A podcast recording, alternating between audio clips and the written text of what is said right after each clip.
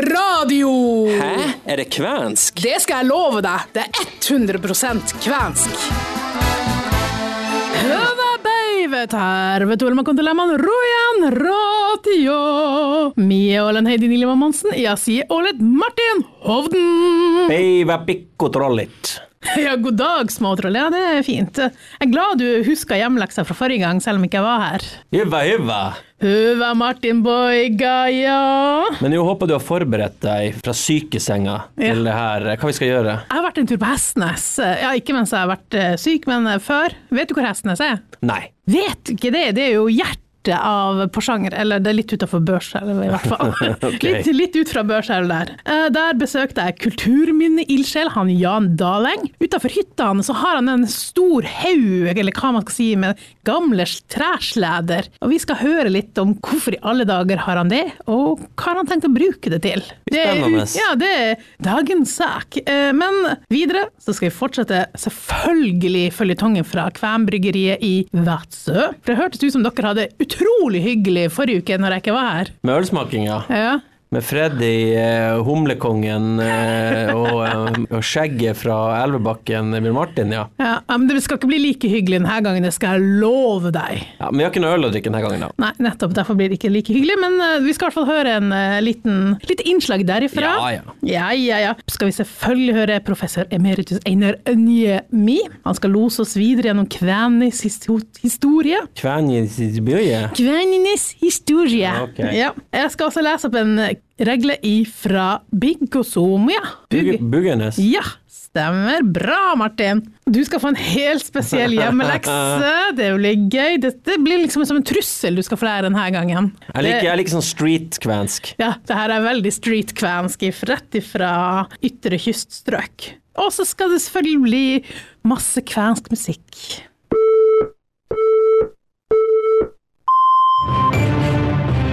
Dagens sak. Da Jan Dalen kom over en haug gamle sleder i Kiruna, så bare måtte han redde de her fra å havne på skraphaugen. De sledene som ligger her på, på tomta, det er mm, tømmersleder. Og de eh, kommer fra Kiruna, Kiruna-området. Og det, det er de, de kvenene der som kaller seg for landalaiset, som, eh, som antageligvis har både bygd og, og eid dem. Og historien bak det her, er jo det at vi hadde jo for noen år siden et sånt eh, vennskapstreff med, med kvenene i, i, i Kiruna-området. Da hadde vi jo en del eh, forberedelsesmøter, bl.a. med han som leda deres arrangementskomité, som heter Gøran Johansson. Hadde vi noen møter eh, hjemme hos han eh, i noen mil vest for Kiruna. Og da la jeg merke til at han hadde hele gårdsplassen full av, av gamle sleder og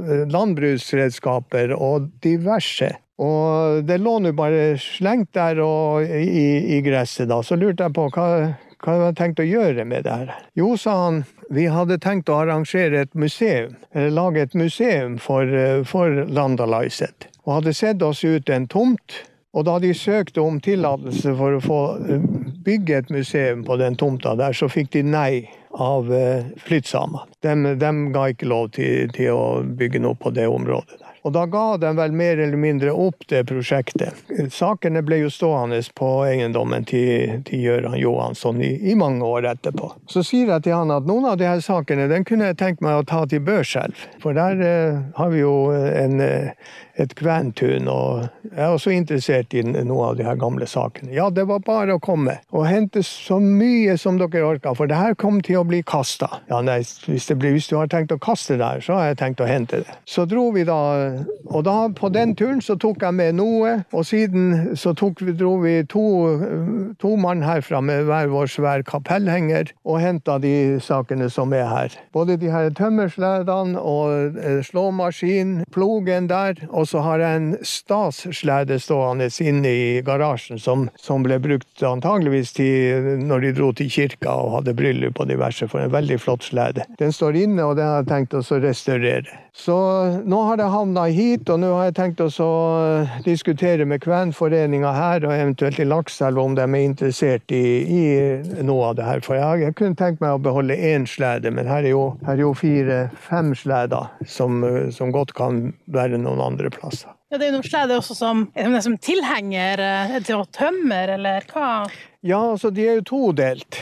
Og, så har de et, sånn, eh, et, sånn, et arrangement på toppen som gjør at, at tømmeret kan ligge støtt selv om sleden under svinger. De har sånne bjelker som står nedi med, med, med en bolt. Og så hektes det da uh, en forslede og en etterslede. Bukk og geit, lærte jeg at det heter. Men uh, da kan man frakte ganske lange tømmerstokker i ganske ulendt terreng. For de ligger støtt oppe, oppe på de her bjelkene og, og har støtter på sida. Sånn at de kan uh, få med seg ganske mye tømmer. Og de her blir selvfølgelig trukket med hest, for de har jo sånne aisat eller, eller drag, alle sammen. Så det her er virkelig uh, gammelt utstyr. Tror du det er noe lignende som kunne vært brukt her i Børselv-området? Det kan godt tenkes.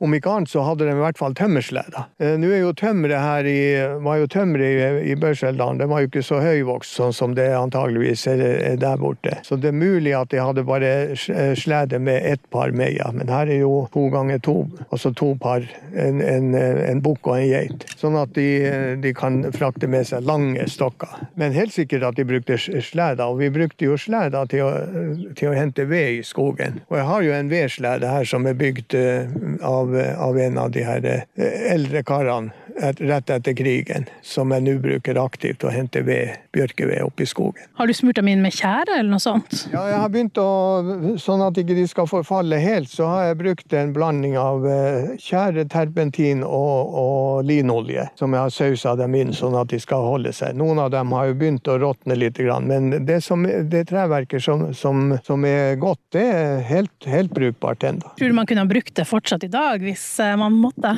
Ja, altså noe, noen detaljer måtte jo vært skifta ut, og der er en del sånn eh, eh, jernbeslag som mangler. Men helt sikkert, de ville sikkert vært brukende. Så jeg tenkte kanskje også bruke det, ta snøscooteren og kjøre litt rundt med, med en av de når jeg får satt det i stand.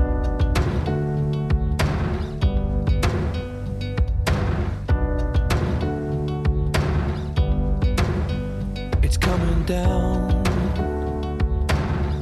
to one last summer sun.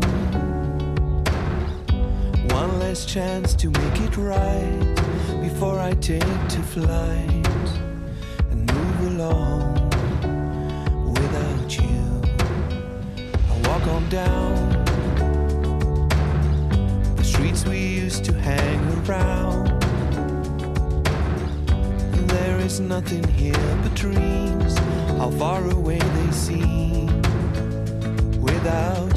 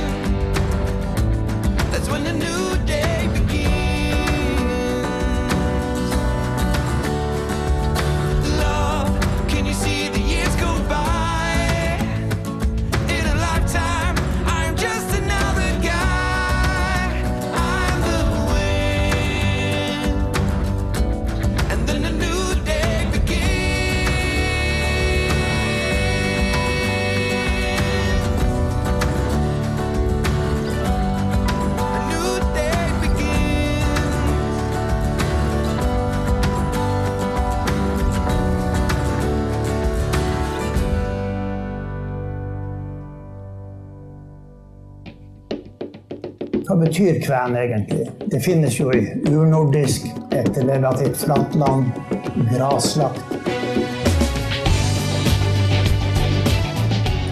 Vi er nå kommet til episode 26 i føljetongen til Einar Niemi. Denne gangen skal fortelle om da Finne oppdaga den rike kvenske kulturen i Norge. Ja, på denne måten så kan vi altså også snakke om en sjette fase det jeg kaller for gjenoppdagelsens og forsoningens tid.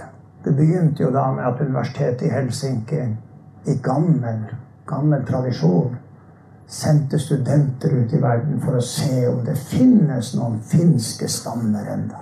Er de borte, eller lever de? De ble sendt rundt i Baltikum, til Nord-Amerika, til Tornedalen og til Finnmark. Og flere av de som var med på det her, lever jo ennå. Bl.a. professor Anna-Rita Lindgren ved Universitetet i Tromsø, som mange av dere kjenner. Unge, flotte jenter som ble veldig, veldig populære. Og de kunne jo komme tilbake til Finland med masse nye data. Ja visst, det finske språket brukes av flere tusen mennesker i Nord-Troms og Finnmark. De slo tidlig fast at det kunne være flere tusen stedsnavn. I dag mener jeg kanskje Irene tar feil, men kanskje så mye som 15 000, 10 15 000 finske stedsnavn. Altså, De opplevde jo faktisk en kultur som aldeles ikke var borte. Og så kommer Hans Christian Eriksen på vill. Han var lærer på Isenja, opprinnelig fra Indre Kiberg, med sine første studier.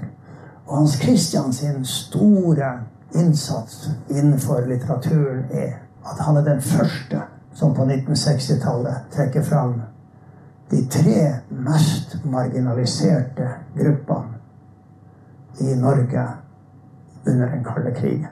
Det ene var østsamene i Neiden. Det andre var partisanene, som slett ikke hadde hatt det så godt til nå. De som hadde overlevd krigen. Og det tredje var kvenene. Og hans publikasjoner ble en sensasjon i samtida. Du har ikke hatt det lett, Heidi. Nei, det, det, er tungt å være kven, Martin. Og ja, det, det er mye, mye historie og tunge traumer som hviler på våre kveners, kvenske skuldre. Men nå skal vi snu that frown upside down. Oh, yeah! Skal vi ha litt gøy. Vær stille. Det var en gang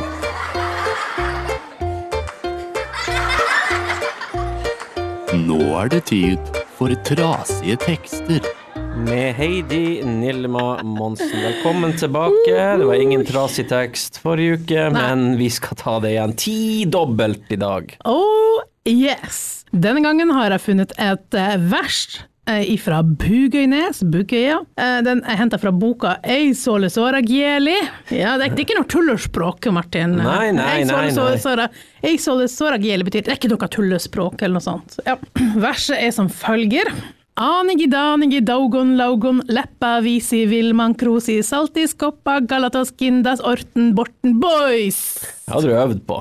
Jeg, jeg, jeg, må innrømme jeg har hørt eh, det verset før, for at eh, hun, Emilie hun fra Black Ships hun har lest det inn for meg en gang. Så hvis man går på våre nettsider, så kan man uh, se et videoklipp hvor hun leser det. Og hun, hun, er flinkere enn meg, faktisk. Jeg har jo hørt det her uh, på norsk. Har du det? I hvert fall den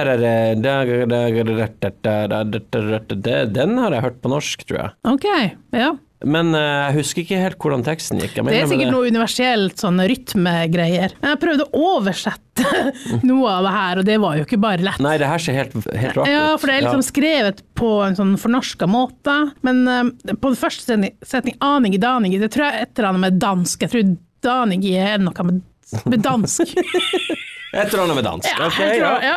Og Daugon Laugon, det jeg prøvde å få ut av det at det kan ha noe med sånn tofte, sånne landskapet, og kanskje lohielaks eller laugonelaks, jeg vet ikke. Så nå har vi dansk, dansk toftelaks. Ja. Og så Leppävisi, alder alle sammen. I don't know. Og Wilman Krosi. Krosi er det, det er som porselen, sånn porselenskopp eller et eller annet okay. sånt der. Ja. Saltiskopp Koppa. Eh, Koppa er bare sånn bukt og vik, så nå er vi ute i landskapet okay, og kjører igjen. Ja. Mm -hmm. Galatos Gindas. Tror muligens at Gala Galatos og har noe med fisk å gjøre. Muligens. Ja, og Gindas er jo hanske, så kanskje en sånn fiskehanske, sånn hanske som man brukte når man var ute og fiska og trakk garn og sånn. Ja. Ja, eller vått eller noe sånt. Orten Borten Boys. De kan ha noe med tregrense. De Det har, ikke noe, det har ikke noe med tregrense å gjøre. Er Garantert. Bo, bo, borehull. Men boys er i hvert fall borte eller vekk. Okay. Så det, det, det, det er kjempe, kjempedypt og innholdsrikt vers. tror Ok, jeg. det her eh, ble ganske artig, syns jeg. Jeg syns eh, Og nå sitter gamle, respekterte kvener Og bare rister på- hodet. tenker Ja. hva i alle Ja. dager er det she, bu she really butchered that. hun jenta trenger et kvenskurs, tenker de da. Men vi trenger ikke noe musikkurs. Vi skal gå videre med en låt som heter American av The Magnus fra Bajala.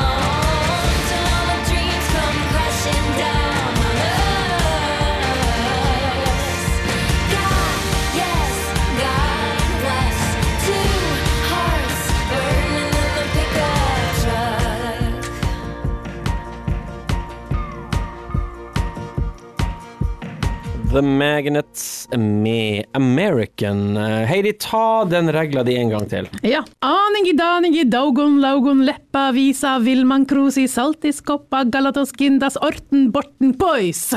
Jeg tror at den er henta fra følgende rimregle.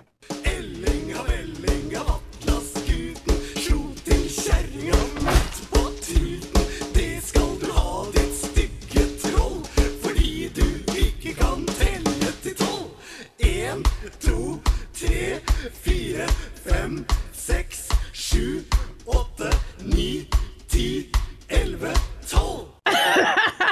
Det var jo nesten det samme. Ja, det var liksom litt sånn samme rytme på I begynnelsen, men så ble det litt, litt annerledes. Ja. ja. Eh, for den der eh, fikk jeg forklart eh, når jeg var liten. Å oh ja, lærte du å telle til tolv? Det fikk vi på skolen, faktisk. Lærte du å slå noen på truten, eller var det telle til tolv greia? jeg, det, jeg sa jo at skal vi gjøre det her, så gjør vi det ordentlig. Så vi, vi slår folk på truten i tillegg. Okay, ja, Så da det, tok de den vekk fra norsk skole etter det. ja, det skjønner jeg faktisk godt. Men vi skal fra barnerim og kvenskerim til øl. Ja, denne gangen så skal han Ole Kristian Gaski fortelle om hvordan, om de, hvordan de forskjellige øltypene fikk sine navn, og design på etikettene, og litt om kameratskapet i bryggebransjen. Så, eh, så skulle vi jo åpne for salg. Og, og for vi, hadde, vi hadde øl på lager. Eh, eller vi hadde resepter, mener jeg, så vi kunne, så vi kunne produsere. Men vi hadde jo ikke noe Vi hadde jo ikke etiketter, og vi hadde jo ikke egentlig navn og sånne ting. Så det var jo da vi måtte ta en sånn liten eh, alvorsprat rundt bordet til, eh, til den ene partneren her. Og, eh, og det var masse ideer, men ingen riktig gode da. Og tida var liksom Det, det er jo en, det, Etikettene blir jo produsert i et eller annet, jeg tror på Vestlandet et eller annet sted. Og de har jo frister for ikke sant? Bestiller du, så tar det så lang tid å produsere, så må du sende det osv. Og, og vi hadde jo bestemt oss for når vi skulle åpne det utsalget, så kjøpte vi det. Nei, vi får bare ta det. Får bli eh, nummer én. Og, Nummer én? nummer én, to, tre og fire og fem og seks. Og eh, det var rett og slett sånn det ble. Og så, eh, og så har det egentlig slått litt godt an. Altså, Folk har syntes det har vært litt artig. Så eh, Ja, det er litt gøy. ja. Men, hvis, men det er ikke sikkert at det blir det nummer sju. Det blir nok kanskje det, men, eh, men eh, vi får se. For de skilles jo også av, for de har forskjellige farger på etikettene. Den første er liksom brun og gul-oransje, og den her er hvit og blå. Man ser lett forskjell på dem. Jeg tenker at Det er også litt sånn nostalgi fra eh, bygda. Det er jo litt sånn Coop-fargene. Ja. Jeg vet ikke hvor bevisst det var, men Og det her er den beste dagen på jobb ever! Den beste dagen på jobb ever, sier jeg. ja, da, ja, altså, altså.